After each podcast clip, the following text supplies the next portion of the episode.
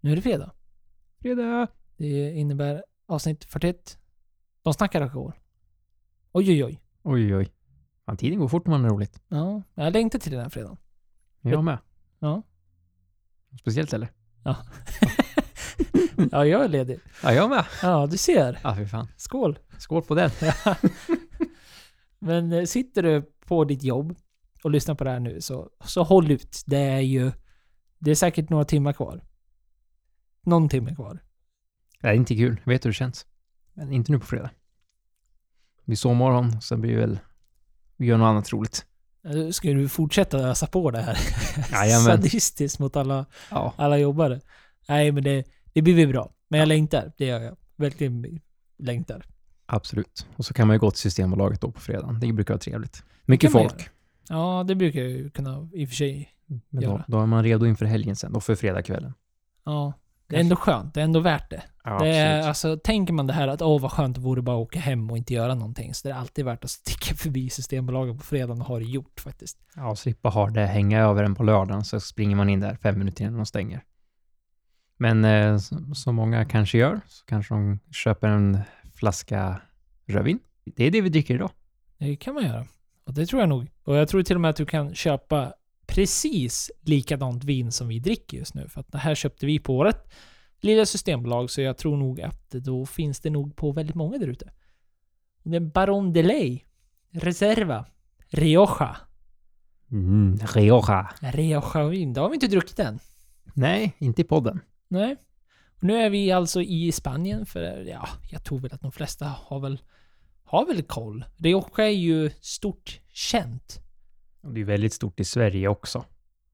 Det har ju blivit, det. alltså förut var ju ja, mycket Amarone och sådär, men Rioja känns som att det är väldigt stort. Det är många som dricker de här och Faustino och sen vad heter den där eh, Marques Marqués de Riscal. Finns också typ på alla systembolag. Man får ju väldigt mycket för pengarna om man då jämför, jämför med, med Italien och Frankrike och de här större. Absolut. Så, Eftersom må- många är ju ofta lagrade också, Reserva, och då är de ju lagrade i några år och Grand Reserva ännu längre. Och det är ofta för en eh, billigare peng, skulle jag säga, jämfört med eh, en del andra hus och regioner. jag lyssnade faktiskt på en podcast när de intervjuade senaste vinnaren på sommelier. Världens bästa sommelier. Det är ju en sån här stor, ja, tävling som... En, de tar ju sommelier i sitt hel perspektiv alltså. En, en sommelier. Men det är ju lätt att man tänker att en sommelier bara dricker vin och har, har det gott liksom och kan sina viner. Utan det här är sommelier i sin benämning alltså att de jobbar ute på golvet. Så att de kombinerar alltså det här servitris, hovmästar, yrket samtidigt som att man ska vara duktig på vin. Det ingår ju, men det ingår ju även att vara duktig på drinkar och allting som tillhör till det. Och han sa just det när han fick den frågan, vilka typer av regioner eller länder rekommenderar du? Förutom de här giganterna. Och då var Spanien en utav dem. Han nämnde Spanien och Grekland som sina två favoriter. Ifall man ska rekommendera någonting som är fortfarande ganska humant för plånboken men ändå väldigt hög kvalitet. Och Rioja är ju det kändaste av Spanien. Vad gjorde du innan den här fredagen då? Eller den här fredagen som var? Fredagen, fredagen som var inte rekommenderad för lyssnarna. Men vad gjorde du då? Nej, jag gjorde inte så mycket. Jag jobbade. Det var en sån här dålig vecka. Jobbade både fredag och lördag. Inget bra. Så att det, nej, det blev inte så mycket gjort. Jag lagade lite mat och jag öppnade ett rånvin, en köttenuftepapp. Alltid gott. Riktigt bra. Usch. Också bra vin. Mm, trevligt. Ja, annars inget speciellt så. Du då? Jag var i huvudstaden. Huvudstaden? Huvudstaden, jag vet inte varför jag sa det med en sån dialekt, för, för så säger de ju absolut inte själva. Men jag var där på, med familjen och vi, bland annat, vi var ju där för att se Madonna. Och jag är ingen jätte-Madonna-fan. Men det var väl en upplevelse, minst sagt. Det var väl inte... Tidningarna gav väldigt bra betyg på, på hennes uppträdande, men jag vet inte riktigt Vad ger du för betyg? Ja, det var en bra show, men jag vet inte om jag skulle kalla det för en konsert. Det, det var det. Men det... Ja, det, det... Det bryr sig inte folk om i den här podcasten. Men förutom det så är även min familj väldigt trevligt dricksällskap, för alla är väldigt intresserade av drycker. Det är väl kanske därför man sitter här idag, för att man har fått det överpassat på sig, eller delar den det intresset och den hobbyn med många andra i sin närhet. Så att vi kunde stanna och dricka lite gott. Och var väl mycket trevligt. Så mycket sån här, ja men, sätta sig på barer och bara ta något gott. Men vi var på Himlen. Det är ju en eh, cocktail och grillbar som är högst upp i Skrapan på Söder. Typ vid Mariatorget om jag vill minnas rätt. Och man sitter ju jättehögt upp och har ju utsyn typ överallt. Och där har de ju cocktailsbar som är väldigt känd. Jag tror bland annat David Kringlund har gjort några avsnitt när han är där och prova någon drink. Så att de är ju kända för sina cocktails och drinkar. Och då blev det en rackare, en minisigge blev det innan maten. De har ett segment som heter Pre-Dinner Cocktails. Och det är med Saint-Germain, lime och sodavatten. Så det är ju ganska likt den här eh, Fredrik, Fredrik Wikingssons drink som vi drack i somras. Minus lite grejer då. Det var ett väldigt trevligt ställe. Käkade där, blev liksom en, ett stopp bara innan vi drog vidare ner mer mot eh, Tele2 Arena. Men annars som jag vill hylla så var det ju Brewdog. Vi stannade till vid Brewdog i, ligger ju också på Söder. De har ju tydligen då stouter som går liksom i batcher. Och den här som de hade nu hette ju någonting typ Dog 4 eller något sånt där. Fan, nu, nu kommer jag inte ihåg. Fan, Jag trodde jag hade tagit ansiktet. Du har gjort en Victor. Ja, jag har fan gjort en Victor, men den var helt fantastisk. Så är du på Brewdog, ta deras egna stout eller den de kom, eller tillsammans med någon. Som jag inte kommer ihåg vad det var, men det var, det var ett väldigt kort namn, bara fyra. Det var den, och sen var det Dundee Stewart Your Marmalade. Som var en spännande öl som faktiskt smakade marmelad. Väldigt spännande. Men jag tycker ändå Brewdog har mycket roligt. Det är ju, anses ju många bara vara en stor kedja liksom och inte ha så mycket kul, men det, tycker de hade väldigt roliga uttryck där. Och sen ska väl sägas, jag är inte där jätteofta, så att när man åker med mellan, jämna mellanrum så blir det ju kul. Men de har ju många samarbeten med andra bryggerier. Ja, men det håller jag med om. Jag tycker, jag tycker Bulldog också gör bra öl. Det, det är ju en som man, man brukar dricka då och då, sträcker sig efter på systemet. De finns ju också ganska tillgängliga. Ta någon sån med, när man blandar lite olika ölsorter. Och deras barer är ju så trevliga just för att de är ju, de är ju fokuserade på öl. Alltså rent, och då menar jag även alltså personalen är oftast duktiga på det de har i sina tappar. Och du träffar andra folk som är ölintresserade. Eh, för de har ju, de har väl någon typ av stor stark men, men inte så jättemånga. Nej, så det var min helg. Det var trevlig. Trevlig dag i Stockholm. Apropå obskyra vindistrikt med till viss del bra kvalitet som är lite okända. Så vad kan du om vin från Thailand? Noll procent. Ingenting? Nej. Det var inte bra. Nej. Hur mycket kan du? Lucky you! Ja. För det kommer ju något hotell här som ska satsa på thailändsk vin. Nej, jag kan inte heller någonting om thailändsk vin. Det känns, det är väl ganska osvenskt av oss att inte ha varit i Thailand, någon utav oss. Alltså, vi är ju ganska osvensson på en del saker. Och sen Ja, på väldigt del svensson saker. på en del saker. Ja, vi, vi reser till andra ställen än Thailand. väl- Så vi har ju inte riktigt stött på thailändsk vin. Men det blev lite intressant där, för det, är då, det här Livs står då som en typ av take-off. Det är hotell nu som satsar på just thailändsk vin för att det har öppnat upp typ en värld. Och det är väl inte så kanske jätteintressant egentligen. Det som är intressant dock är ju just hur bra betyg det här vinet har fått. Eller vin generellt från Thailand. Och då hyllar liksom sommelier och vinexperter, experter, inte oss, just om det som är låvin. Så det är kul att höra sådana här saker att eh, de har ju ett speciellt mikroklimat så som det verkar. Och det är kul att det lyfts så att folk kan få ta del av det. Alltså, det är alltid kul när det kommer något nytt som inte är de här vanliga stora länderna. Att när det, är liksom, det är något som sticker ut lite grann. Och det gör ju att man blir eh, som entusiast intresserad. Alltså, man så här, hur, hur smakar det här då? och hur stor skillnad är det? Sen är ju inte vi några experter, så vi kan ju aldrig säga att det här är mycket bättre än det här eller det här, men det är ju kul att prova, för man kan ju ändå säga om man tycker att det är bra eller dåligt. Om man känner liksom att det är någon kvalitet på det. Ja, precis. Det, men tycker man om det så tycker man ju om det. Då är det ju kul. Och det här är väl bara ett av alla strå i högen liksom man kan ta upp som exempel. Just som lyfts. Men det är på tal nu bara för att det släpps via ett, via ett eh, hotellkedja då, runt om. De, De är väl störst i Asien själva då. Men att det lyfts upp, det är, det är ju bara kul. Men det får också en, om, ju mer man läser in på det här då, så ska det ju då, som jag sa, vara ett väldigt speciellt mikroklimat. Just där det här vinområdet kommer ifrån då. Där de odlar då Shiraz, Colombard och Merlot framförallt. Och Merlot ska ju vara då väldigt bra. Men det är väl... Tycker det är kul när det blir... När det här kommer upp. Alltså som terroirer.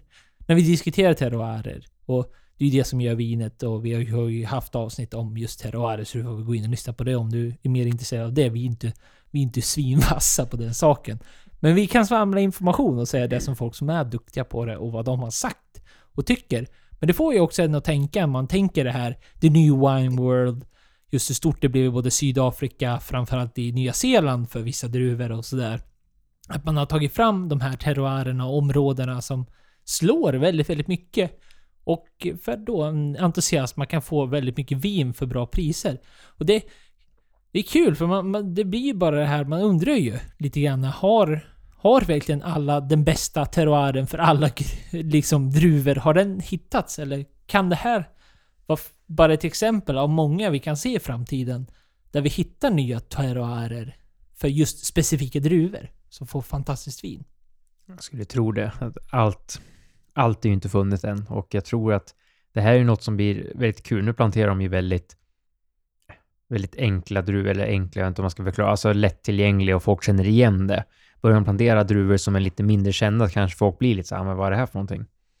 Nu blir det ju ändå att de kan skriva att det är, som du säger, Merlot på, på flaskan och det gör ju ganska mycket faktiskt. Och vi ska väl nämna det, eh, jag tror inte vi har nämnt det, glömde bort det, men det är Monsoon Valley som det kallas då för själva det här vin, vinområdet då. Eller den här producenten är det väl framförallt då, som hållit på i ungefär 20 år.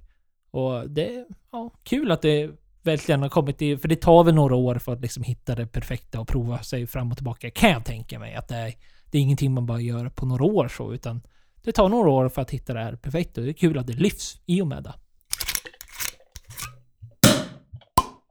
Och från Thailand.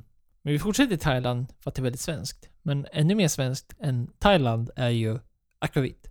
Ja, det är svenskt. Det är vi skandinaviskt ska vi säga. Vi måste väl dela, ta in våra norska grannar och danskar i detta. Nu kör vi bara Sverige. Nu kör vi bara Bara OP för hela bara slanten. OP, jajamän. Bort med all Alborg. Här kör vi bara OP. Nej, men det, det är ju grejer vi har upptäckt här när vi har scrollat runt som vi brukar göra. Vi letar nyheter och kollar vad som händer in, inom alkoholvärlden så kom vi över det här att det har blivit väldigt populärt med att blanda drinkar på just akvavit på flera olika ställen. Det är kul. Det får ju en speciell smak, vilket, ja det vet man ju. Jag tror de flesta som lyssnar där ute har någon, någonsin har druckit en akvavit, så man vet ju smakprofilerna. Och att de ofta sticker ut lite grann. Och akvaviten, då menar vi också akvaviten, alltså den danska, norska eller svenska. Som då måste antingen ha kummin eller dill gissar för att få kallas för akvavit. Förutom så har ju Norge sin speciella egna akvavit då. Som då måste vara... Det är väl samma kryddor tror jag, men det måste vara lagrad i minimum 6 månader och måste innehålla minst 95% av norsk potatis. De har ju sin egna lilla grej där. Även inte lika stort som ja, våran... Ålborg är väl den största. Mest sålda. Deras, deras den här jätteklassikern. Jubileum. Taffel. Så heter den. Det, det är den mest sålda akvaviten i hela världen till och med. Bra grejer. Och sen ja. våran OP och våran Skåne. Ja, och det är ju det klass, klassiker nu. Nu börjar vi närma oss jul. Så att eh, snart kommer den här fram igen. Den har stått i skåpet sen eh, midsommar kanske. Eller påsken. Eller till och med förra julen. Det roliga med det här är ju att det börjar liksom få en, eh, vad säger man, recognition. Det börjar liksom uh, pratas mer om det. Och inte just för kanske som en sipping, utan mer för att det ska blandas i drinkar. Och det är ju flera olika barer som har börjat gjort lite olika på dem. De har ju gjort uh, en som heter The Red Curtain, som är lina, akvavit, rom, citron, citronjuice och gurkjuice, agave och vaniljsirap. Och sen är det beer beer to beetroot juice, det vet jag inte vad det är. Ja, det är ju det är någon typ av sak från marken. Äggvita och eh, jordgubbar. Så det är ju en, eh, det är många grejer i den här drinken, men den låter ju väldigt trevlig faktiskt. Rödbetar. Röv, ja såklart. Vi är bra på engelska. Ja, det var inte bara en sak i den där. Gisse namn alltså. Nej, många det, det där grejer. är ingenting du skrapar ihop en lördagkväll på måfå. Nej, jag gillar att de har ju verkligen så här... Hur fan kundvagn inte Ica? De ska- Ja, fan fina grejer. Det, men det roliga med den här är ju att det är ju verkligen lina akvavit, sen är det rom och så är det agave. så det är så här, ja, de andra är inte lika viktiga, Ja. men det ska vara lin. Den används verkligen som en smaksättare även i många andra recept. Och lite av dem, vi hade ju ett sommaravsnitt där vi drack bland annat Hallandsfläder och vi fick hjälp av Mats Olsson, Cocktails. Och han drog ihop några recept som man kunde då blanda på akvavit och, och snaps. Det var inte bara akvavit. Nej, precis. Vi hade, vi hade O.P. Andersson, vi hade Hallandsläder och en beska droppar. Och testade ju tre drinkar på och vi var väl O.P. på gin. Alltså vi gjorde en O.P. tonic och jag tyckte den var rätt trevlig. Faktiskt. Det gjorde ju en helt annan smak. Det blir som en GT fast med eh, O.P. istället. Ja, får vi se vad, vad det här kan landa i. Det är väl kul att eh, det får någon typ av... Ja men, kommer ut lite i världen och sen om det används i några drinkar och sånt där, det blir inte lika... Eh, ja, det, är väl- det är väl inte sådär jättedrycken i sig, men det tror jag nog också att det är många som kan hålla med om att det är inte jättespeciell dryck heller. Jag menar, våran bakgrundshistoria... Snapsen har ju mer av det sociala kanske än det drick... Alltså det drickmässiga, så om man sitter och sjunger och har sig. och Liksom, det är ju så den marknadsförs också så som sin dryck, men den tillhör ju våra traditioner och, och så vidare. Samtidigt som det kanske är kul också. Alltså att den får vara kvar där och man använder den bara som, som ingredienser egentligen, eller smakprofiler i drinkar som är baserat på mycket annat också. Men så att vi är med där i ett hörn och att akvaviten kanske kommer ut lite i världen utan att den liksom dras ner helt i, i, i våran tradition, för den är ju väldigt speciell. Whiskey Change. Har du varit där? Nej. Men det har väl du varit? Ja, det har jag. Jag har varit där och kollat på hyllorna. Mm. Så som många andra som är i London, om man glider in på Whiskey Exchange, så är det nog många som inte kommer ut med så mycket. Men det är mycket titta. Och det är väl det är väl det det är. Det ligger ju liksom centralt bra. Man går in och kikar. Roligt för whiskykonnässörer för att de försöker de ju dra på allting egentligen. Alltså det, det bästa de har. Och samtidigt som de försöker kränga lite av de här vanliga flaskorna. Men det är väl inte dit någon egentligen går och handlar rent så, utan det är mycket, mycket för att se vad som finns där ute. Det är ju ändå en av de största online-sajterna här i Europa i alla fall för att handla sprit. Eh, eller var, om man får säga så, innan Brexit slog igenom. Det väl det och... Utropstecken var. Ja, det var väl de och Master of Malt som tror jag var störst egentligen. Och det är väl det vi tänkte prata om här. Att det är väl det vi landar i någonstans. Att det kom upp en artikel nu, för nu var det två år sedan. Whiskey Exchange blev uppköpta av Pernod Ricard. För de, de som inte visste det då. Men i samband då, när Brexit väl slog igenom, så tappar de jättemycket, vad då, inom EU och alla de här tullagarna och skatter och allt vad det var. Så att de tappar i försäljning. Så att det är inte konstigt att de har märkt att Whiskey Exchange inte är tillgängligt. Och för det är bara tillgängligt i fem länder i dagsläget. Det är ju ganska stort tapp för dem och det är, ju- det är ju både och. Det är ju Brexit som gjorde att det blev så här. Men sen har ju alla länder sina speciella lagar som också har ju varit krångligt.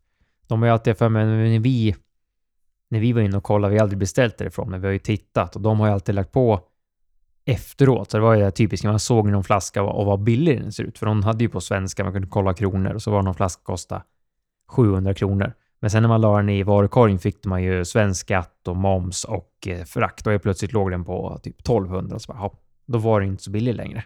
Det har varit lite annorlunda om man jämför med typ Master of Malt som du nämnde. Och eh, några av de här eh, kanske lite likt whisky.dk just på det sättet att du gör inte så jättemånga fynd förutom de här standarddryckerna. Ibland, ja det var ju någon sån där sida jag kunde köpa en Glen, Glenelg 12-årig för så här 300 spänn för några år sedan. Och som då på den, den dagsnotan låg på typ 600 spänn om du beställer ämnen från Systembolaget. Så man kan ju absolut göra fynd. Men det, Whiskey Exchange har ju alltid varit kul just för att de har haft väldigt exklusiva flaskor. De har inte riktigt varit den här Jag menar, de, de har inte satsat på att göra billiga typer av deals likt, ja de jämför sig själva med Amazon, men det är väl en dålig referens för oss här i Sverige, för det är väl inte genomslag så, och det kan ju inte heller eftersom vi har våra systembolag. De har alltid försökt få de här roligare årgångarna, det är mycket gamla flaskor, och det är mycket av den biten, så att det har ju varit en marknad där även folk från Sverige och från många andra länder har tittat till för att få sådana här speciella flaskor som idag är borta. Och det är ju kul för oss som är kondensörer. Det är ju likadant om man går in på någon vinaffär där det finns massa äldre viner som står på hyllan som ändå är liksom fortfarande attraktiva så. Det vi tänkte diskutera var ju som vi sa, Brexit, det går inte att skicka längre, men sen även det här att de har sålt till just Pernod Ricard. Nu är det ju två år sedan, men både för och nackdelar som kan komma med det här. Nu är det ju ändå så att de som har det nu har ju sagt att de ska fortsätta i samma anda, men Pernod Ricard är ju en stor koncern, de vill tjäna pengar. Det har ju sig alltid Whiskey Change vill ha gjort, det har ju inte varit billigt, som sagt. Just det här att de kanske försöker rikta in sig på annat eller försöker rikta in sig på annat folk och sådär. Eh, men det positiva med det här tror jag ändå är ju att Pernod Ricard har ju otroligt stor marknad i Europa och även USA som kanske då kan öppna upp för mer sidospår för att kunna få, få vidare skickat till andra länder. Ja, det är det största problemet nu som de verkligen måste lösa och hitta bättre alternativ nu när Storbritannien inte är med i EU längre. Och allt det här med öppna, öppna gränser och tariffer och allt som kom med det är borta. Och vi får väl se, det är ju som du säger, man, Pernod Ricard, visst, än så länge lovar de och de håller kvar det Vi i den här artikeln vi läser att de ska ha kvar det så som en egen del. Alltså att man kör ju precis på, alltså en kla klassisk som här, nästan, inte merger, men en uppköp av ett företag där man har kvar all personal, all typ av strategi och någonting. Och det var, de var Pernod Ricard har bara gått in och, och köpt själva koncernen så att säga. Men de står på helt egna ben i dagsläget. Men det kan ju å andra sidan skifta väldigt, väldigt fort det som behöver ändra sig, det är väl att United Kingdom ska rösta för att gå med i EU igen. Kanske det bästa för England. Ja, det vore spännande. Ja, nej, men det är en speciell marknad och som det ser ut nu och många här ute i Sverige har säkert beställt från Whiskey Change eller Master of Malt eller någon annan sida som det nu har blivit problem för. Och det är ju även Sverige som har varit ett tråkigt land för att ta in det med att vi har våra regler och lagar som gjort att det är många länder som inte skickar till Sverige överhuvudtaget på grund av det. Ja, och då är det ju framförallt då, då syftar vi då inte på själva monopolet och de grejerna, utan det är ju för att Sverige är så jädra krångligt när det väl kommer till skatter och moms och hela den biten och hur man då, pappersarbetet verkar vara en så stor kostnad så att många säger att det är inte värt det att skicka till Sverige för att det är så mycket trams runt omkring som gör det tråkigt framförallt tråkigt för oss entusiaster. Sen finns det ju gott om alkohol på Systembolaget. Ehm, man behöver ju inte känna att man går bet på att man inte kan beställa från utomlands. Det är ju en del saker som finns där som inte finns här och just med till exempel whisky chains, Det finns äldre flaskor som du då, ja, du måste betala för att få dem. Du, liksom, du gör inget fyndpris, men är det en flaska du verkligen vill ha så kanske de har den och då kanske du är redo att betala de pengarna för att få den. En ny dryck. En helt ny dryck. Spännande. Kul. Mm. Mer nytt. Det är roligt. Och som man ofta ser nu för tiden så är det inte det är inte någon eh, de har slängt in från ingenstans och utvecklat den här drycken utan det är återigen en kändis som varit med och utvecklat detta. Och i det här fallet så är det Lewis Hamilton, Formel 1-föraren, som har tillsammans med Ivan Saldan Saldana som är Master Distiller för Casa Lumbre, dragit fram en, vad de kallar då för alkoholfri tequila, säger man. Men man har även döpt det och gett ett helt eget namn, Almave. Just för att man får inte kalla det för tequila överhuvudtaget, så de får alltså inte branda ut det som en alkoholfri tequila, för att tequila är ju varumärkesskyddat och måste, det kan inte vara alkoholfritt. Men de har gjort en helt ny grej här, som ska vara tequila fast alkoholfritt, påstår man. Det är så roligt när det kommer med så här nytt. Alltså, så är man väldigt intresserad av att prova. Liksom man vet ju hur tequila smakar, hur, om det får fram samma kryddning och sånt. Och det står ju att eh, de har gjort några som är gjort just för mixing, så att du liksom ska kunna ha det i alkoholfria drinkar och så. Och där kan jag nog köpa det. För jag tycker att det, det är svårt att efterlikna eh, alltså en spritdryck ja, utan alkohol. Vi har ju druckit alkoholfri snaps och det smakar ju, det luktar ju snaps, men det smakar ju mest bara starkt av typ chili, tycker jag. Ja, det är jättesvårt. Och så som man har löst det i det här fallet då, så har man alltså använt egentligen... Man har varit i Jalisco, alltså där tequila kommer ifrån. Man har använt samma råvaror som du skulle, då skulle göra en tequila utav. Men man har då skippat fermenteringsperioden, vilket i sig är det som skapar alkohol i drycken i det här fallet. Och hoppat bara över den biten. Så det blir en tequila i sin grundprocess, förutom att det saknar alkohol då. Eh, men det är väl bara, det är ju på tapeten också. Det är väl, det är väl inte konstigt. Jag menar Lewis Hamilton, jag tror inte han gör en dålig investering.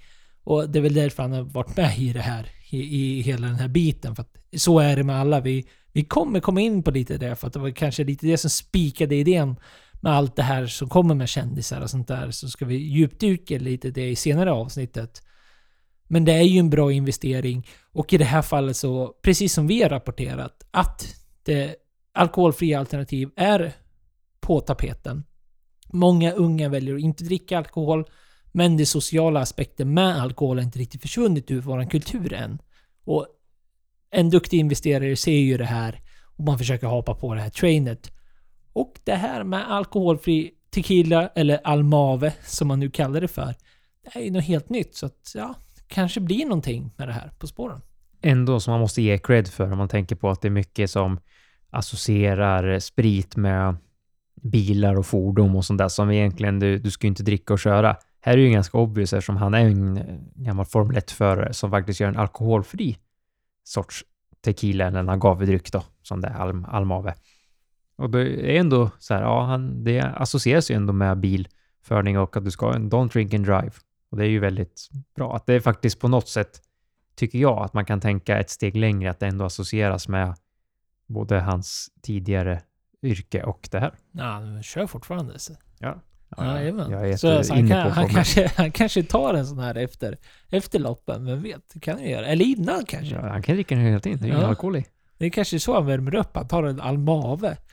Men jag tror även det handlar mycket om... Tequila har ju någon typ av lyxfaktor faktor av sig. Det det kommer ifrån då. Då kanske man garvar lite till när man tänker på typ champagne och mycket annat sånt där. Men Formel 1 generellt är ju väldigt mycket lyx. Det är sponsrat av Rolex, har ju varit en sån här gammal eh, typexempel och det är massa andra dyra märken och väldigt snobbig typ av jargong över. Och racing har väl varit det här manly, manly, manly, så att det associeras mycket med whisky och sånt där också har det gjort, sett rent historiskt.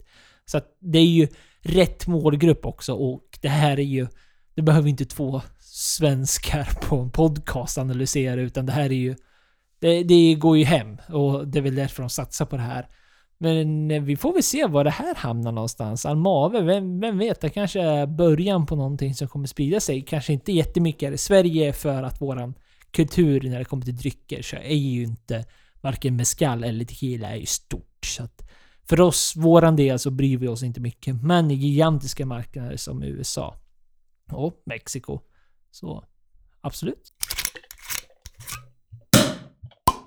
Lewis Hamilton är inte ensam. Det är jädra många kändisar på senare år som har gett sig in i ambassadör det kallas väl inte officiellt för ambassadör, men det är ju det de blir. De blir ju brand ambassador för olika typer av... De skapar ju sina, in quotes, egna drycker. Men det är klart de är lite spelare. De är där för att marknadsföra allting. Men det har ju blossat upp något djävulskt runt om i världen. Ja det, ja, det är inte lite och det blir ju inte mindre heller. Och vi har ju ändå pratat om det här i podden tidigare med till exempel att eh, Leonardo DiCaprio skulle bli någon ambassadör för någon vin eller champagne. Sen har ju eh, Emma Watson eh, som spelade Hermione Granger och hennes familj en gingård som de är, gör gin på. Men det är ju ändå lite annorlunda. Det här är ju verkligen varumärke som säljer bara på att det är en kändis som står på, bakom den. Ja, och det här får man ju då ta...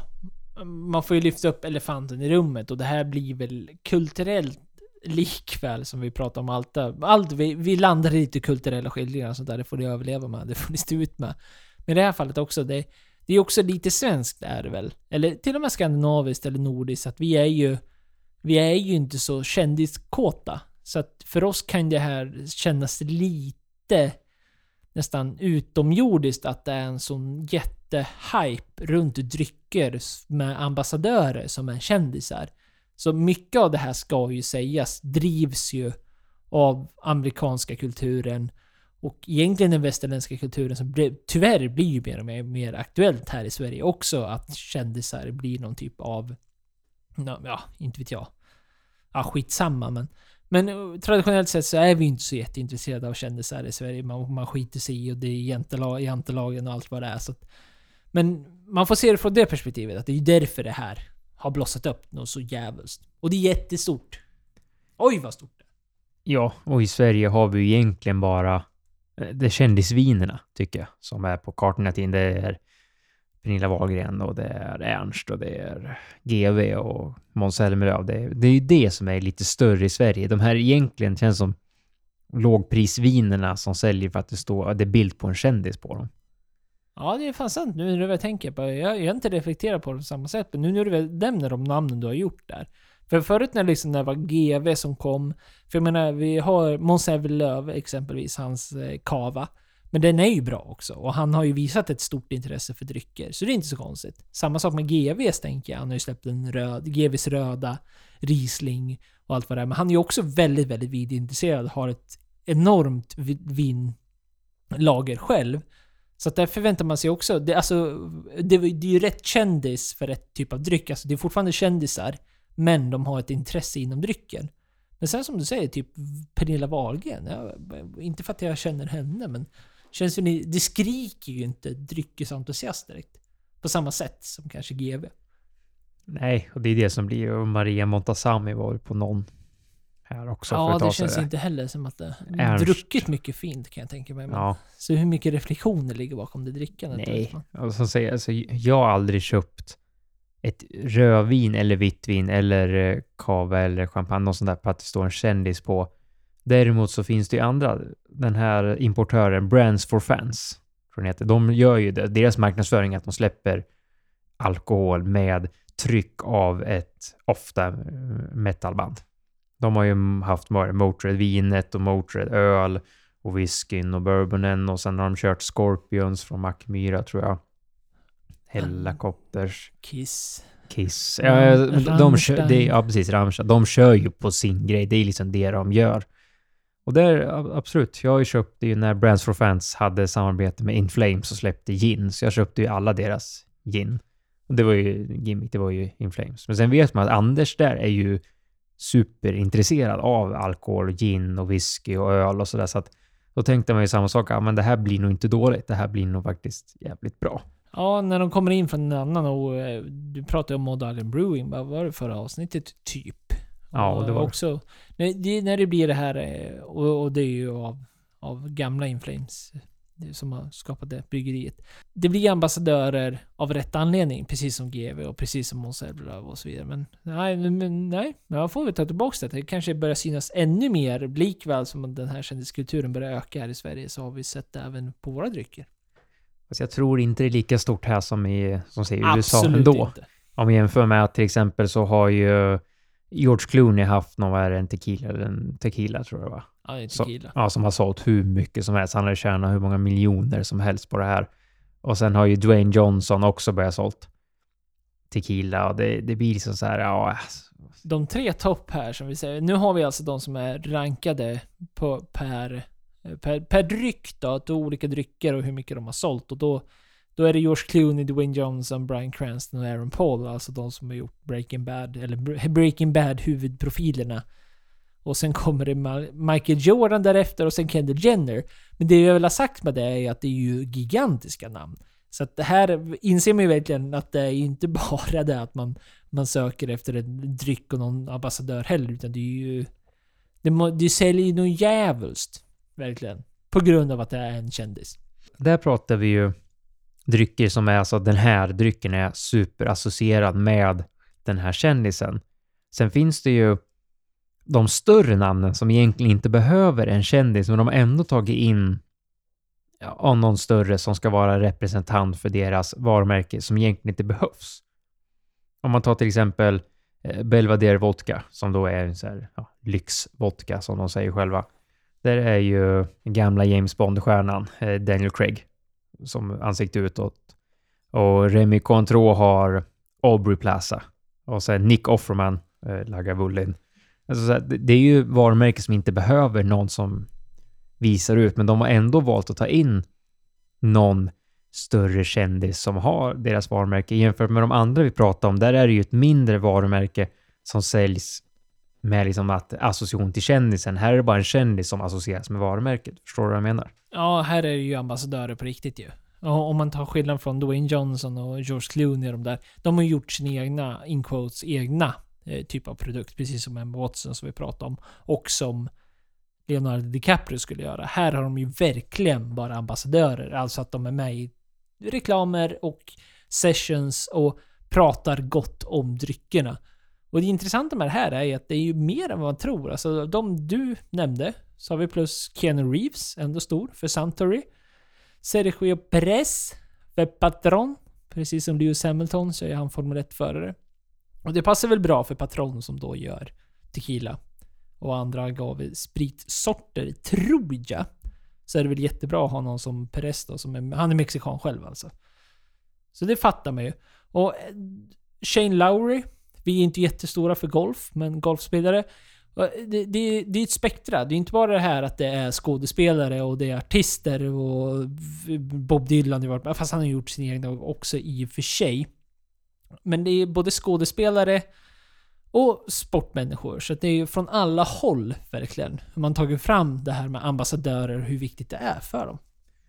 Och det har ändå blivit större på senare år. För jag för mig tidigt, David Beckham var väl ganska tidigt med Hey Club. Jag tror inte han är kvar ambassadör där, men han var ju det för ja, den här blåa fula parfymwhiskyflaskan som fanns på alla taxfree avdelningar. Men det, det är liksom, det, jag vet inte, säljer, det måste ju sälja för att det är personstå på det, men jag vet inte. Jag, all, jag har själv aldrig sagt köpt för att det står en kändis på själva flaskan om man borträknar från Inflames där jag själv vet att eh, själv, de som har producerat den är alkoholintresserade. Så jag tror inte att det skulle bli något dåligt. Men jag skulle aldrig liksom gå in på bolaget, titta och så ser jag någon namn jag känner igen. Om jag känner igen det namnet, då köper jag den bara för det. Och det var ju just det här om man då tänker att hur mycket kan folk vara beredda att betala? Och då har man tagit fram en liten, ja, det är väl, jag vet, jag vet inte hur, hur accurate de här siffrorna är, ska sägas. Man räknar med av Union, Union är någon typ av så här, de har massa restauranger och eh, olika typer av, ja, vad ska man kalla det för? Näringslivsgrejer i, i USA. Och de beräknar att det är 10% av deras spritsorter på deras barer, restauranger och allt vad det är. Det består av celebrity brands. Och man tror generellt sett att konsumenter betalar 73% mer än vad de skulle ha gjort på vanliga drycker när det är en kändis på. Det tror jag säljer, om man räknar bort den lilla procenten som är entusiaster och nördar och intresserade, så visst kommer det man in på krogen och man vet inte vad man vill ha och så ser man att det är en stor bild på Dwayne The Rock Johnson. Står där ah, men han känner jag igen från alla tusen filmer han släpper som är mediokra. Och då kanske man köper den för man ser den. Jag tror att det här vet man inte vad man vill ha. Och så kanske det branden har sponsrat den här puben, baren, Union. Och då blir det så att de kommer ju stå längst fram och det kommer vara lampor och lysta och så kommer det vara ett kanonpris på den. Så att då kommer folk köpa den för det också. Jag tror att det blir...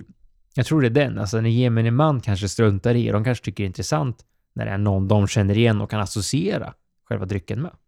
Det är extra spännande tycker jag med de här nyare dryckerna, säger jag också i, i in quotes, men inte lika cementerade som kanske whisky och öl och sådana där traditionella drycker eller viner. Tequila och mezcal, det måste ju vara någon typ av tydlig korrelation mellan ökandet av tequila som har sålt enorma mängder, i, framförallt borta i USA. Och framgången med de här tequila brandsen som Dwayne The Rock Johnson och George Clooney och Aaron Paul och Brian Cranston har gjort. det måste ju vara Eh, men tydliga siffror på att ökningen av tequila som liksom har slått väldigt många typer av drycker. Det slog ju generellt sett så drog ju spritsorter överlag sålde ju mer än öl för första gången. Och det är ju starka siffror som tyder på att det, det här funkar. Men det, det kommer lite med det om man tänker då, för det är ju bara spritsorter man ser det här. I, I den här utsträckningen om man då tänker det bort i USA. Men om vi ska återgå då till vår svenska kultur igen. Här är det ju tvärtom. Vi ser ju inte jättemånga spritsorter. Visst, vi har den här... Vi har ju Samuel Lindlöf exempelvis. Samuels whisky agitator som vi drack här. Som är liksom en känd eh, whiskybloggare. Fick gå med och göra. Den spriten finns. Visst, som du säger, det finns eh, Rammstein har vi sett och vi har sett Scorpions och Brand for Fans. Som kör det här med större band. Men vi ser ju inte kändisarna på spritsorter på samma sätt här i Sverige som vi gör i USA. Samtidigt som man vänder på det. Jag har inte sett jättemånga brands för viner som vi gör här i Sverige. När vi har både Laila Bagge och GV och alla de här. Så det verkar ju vara väldigt, väldigt omvänt. Det känns faktiskt ja, lite som det.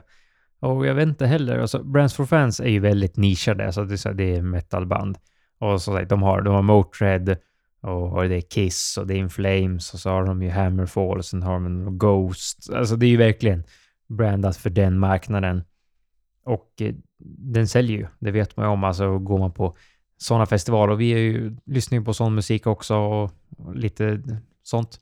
Och vi vet ju att det säljer på grund av det. Jag tror aldrig jag har köpt någon av de här. Jag har en Motörhead vodka, eller nej, Motörhead rom inne. Den, den är trevlig.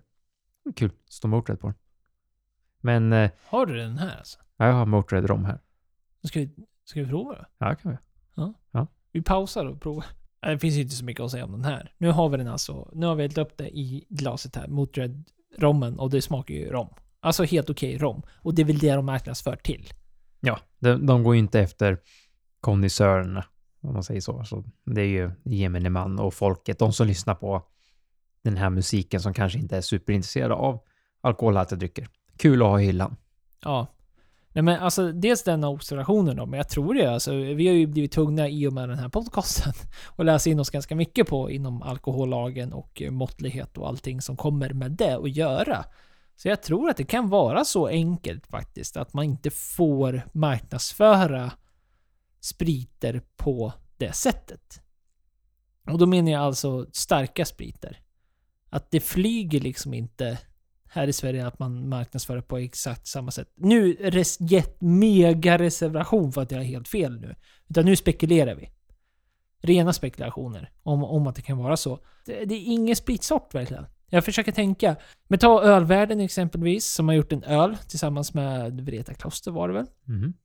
Och de fick ju inte gå igenom sin, sin första etikett för att deras etikett visade för att det var för många, de, det var för många glas tror jag. Eller någonting. Ja, det, det blev det, reklam för flera. Alltså, det ser ut som man skulle dricka jättemånga öl om man drack den där ölen. Det var ja. så alla tänker.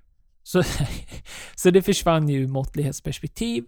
Men sen när man tänker efter så, ja, och sen viner och det är ju inte spritsdrycker utan ja, det, det kanske ligger någonting där. Eller för Systembolaget i sig har ju det här att man inte ska försöka driva marknadsföring och få folk att köpa. Och de här siffrorna som vi har räknat upp nu i USA kanske bevisar det, alltså deras val i så fall. För att det visar ju tydligt här av de siffrorna vi har nämnt nu och hur vi ser kulturen i USA att kändisar gör att det säljer mer sprit som det kanske inte hade gjort annars. För att de här mega ambassadörmärkena, antingen CS egna eller de, de ambassadörer, säljer mer än allt annat. Framförallt även nya drycker.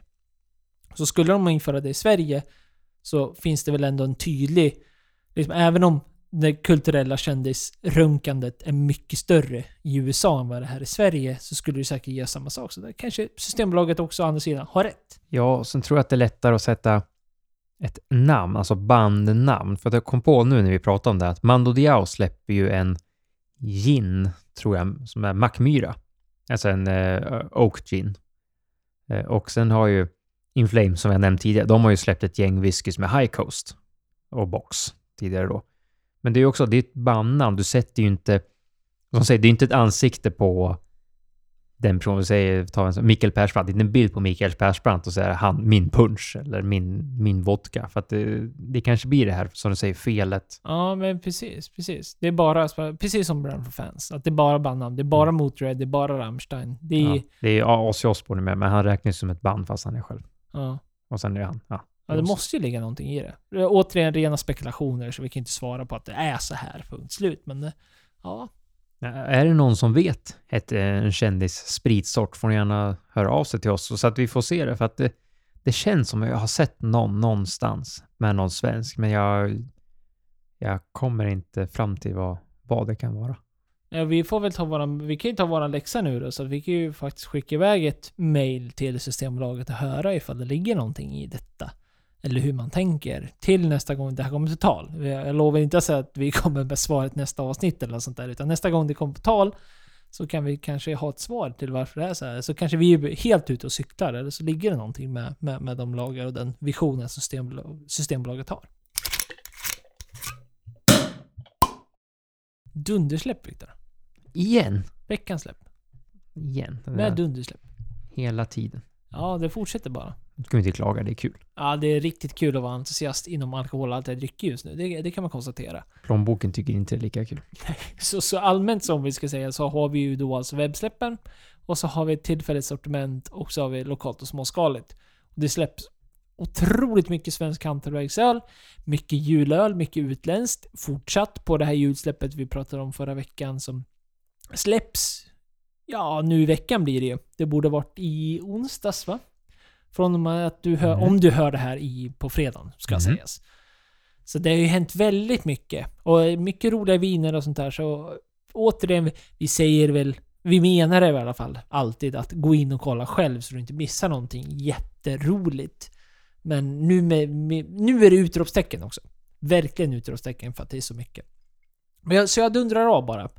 Jag kan avslöja redan från början att jag har valt två öler. Kanske tycker det är tråkigt. Sånt är livet. Öl är gott. Så är det. Så blev det den här gången. Och jag börjar med Busted Brewing, tror jag de kallar. Bustad Brewing kanske de säger. För det är svenskt. Och de görs i Lidköping.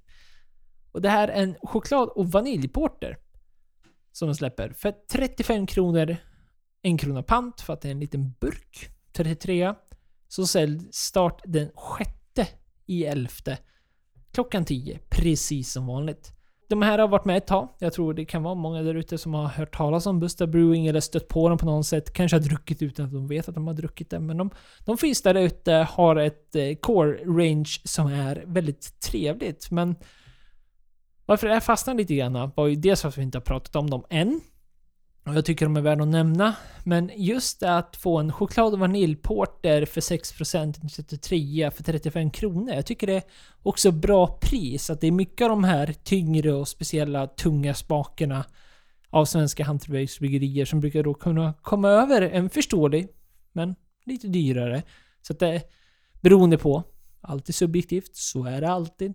Relativt. Men jag tycker 35 kronor, jag tror det är många som kan dra ner den här i korgen när man går runt på Systembolaget utan att känna att det bryter plånboken på något sätt. Så att stor eloge till Bustad Brewing, eller Busted Brewing. Bustad säkert. Ja, det är gott. Öl är gott. Port är gott. Eh, och du är ju bra. Ta något nytt som vi inte pratat om i podden som förtjänar att prata om. Jag är reparativ. Jag pratar om något jag har pratat om tidigare. Pratar om det här ja, konglomeratet, vad säger man? Stora tidigare. Och det är en Armagnac de Montal. Släpps på systemet. Och det var inte så länge sedan jag hade där de släppte en liten box. Nu släpper de en 1973, det vill säga en 50-årig igen. Och de släpper de här typ varje år. De brukar släppa årgångarna så det är sagt 72, 71 och det fortsätter. En snygg liten kartong. Trevligt eh, Och kommer landa på tillfälliga sortimentet en tionde därefter. Och kommer kosta 1695 kronor. Mm. Och det är ju ett riktigt bra överkomligt pris för den åldern du får på den här flaskan. Jag har pratat om Armagnac tidigare och vi har nästan tjatat lite om det att eh, passa på. Köpa, testa. Vi får inte hypa upp det för mycket kanske. Vi Nej. kanske är för snälla mot våra lyssnare. Ja, nej det är Om du Köp den har inte. varit en sån lyssnare som faktiskt har druckit Armagnac efter vårat snack, så kom gärna med dina recensioner. Jag tycker att eh, du kanske har slutat lyssna på oss. Tänker de där jävla idioterna. Men eh, det vore kul att höra ifall det är någon som faktiskt har beställt in någonting. Absolut. Det är, det är ju mest att vi har ju druckit lite och vi tycker det är gott, trevligt. Och det är ju, det är en brandy, görs i området Armagnac, typ som konjak, fast det bara dubbeldestilleras. En druvsprit. Eh, Men fortfarande överkomligt pris, en trevlig förpackning för de som tycker det är kul. Kul att testa. Är man född 1973 och fyllt 50 eller fyller 50, ja, kul present till sig själv eller till någon man känner. Absolut. Det är ju en dunderpresent till en 50 år. Ja, ja. Det var ju det jag köpte till min mor. Hon blev jättenöjd. Så att eh, absolut, bara att eh, passa på när det tillfäll tillfälliga sortimentsläppet, tionde eller elfte. Ja, spännande, spännande.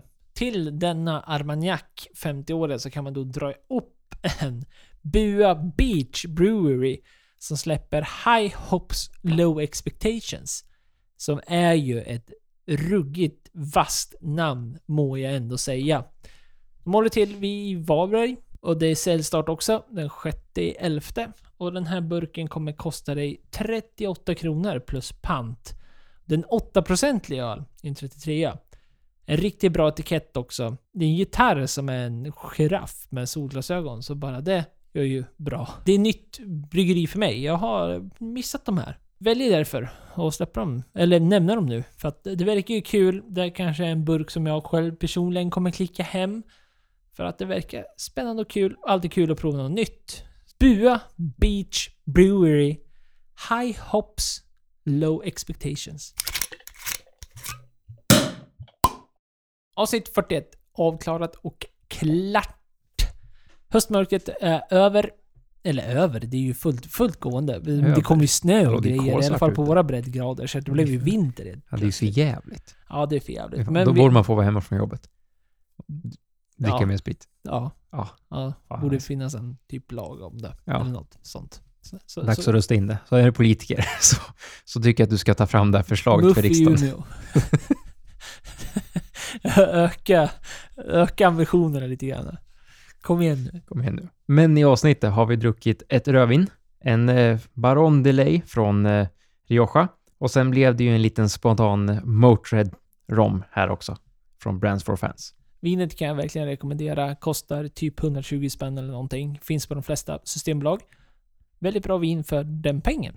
Väldigt bra vin. Och rommen, trevlig, god. Jag har även testat den här med typ rom och cola. Gott det också. Kul, står Motörhead. Är du ett Motörhead-fan så absolut.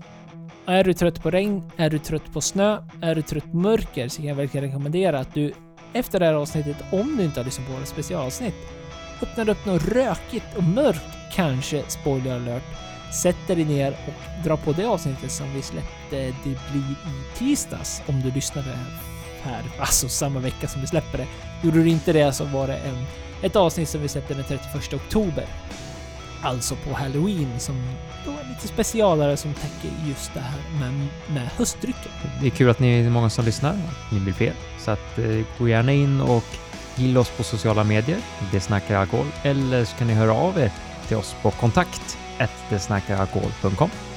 Så hörs vi nästa vecka. Bye. Bye.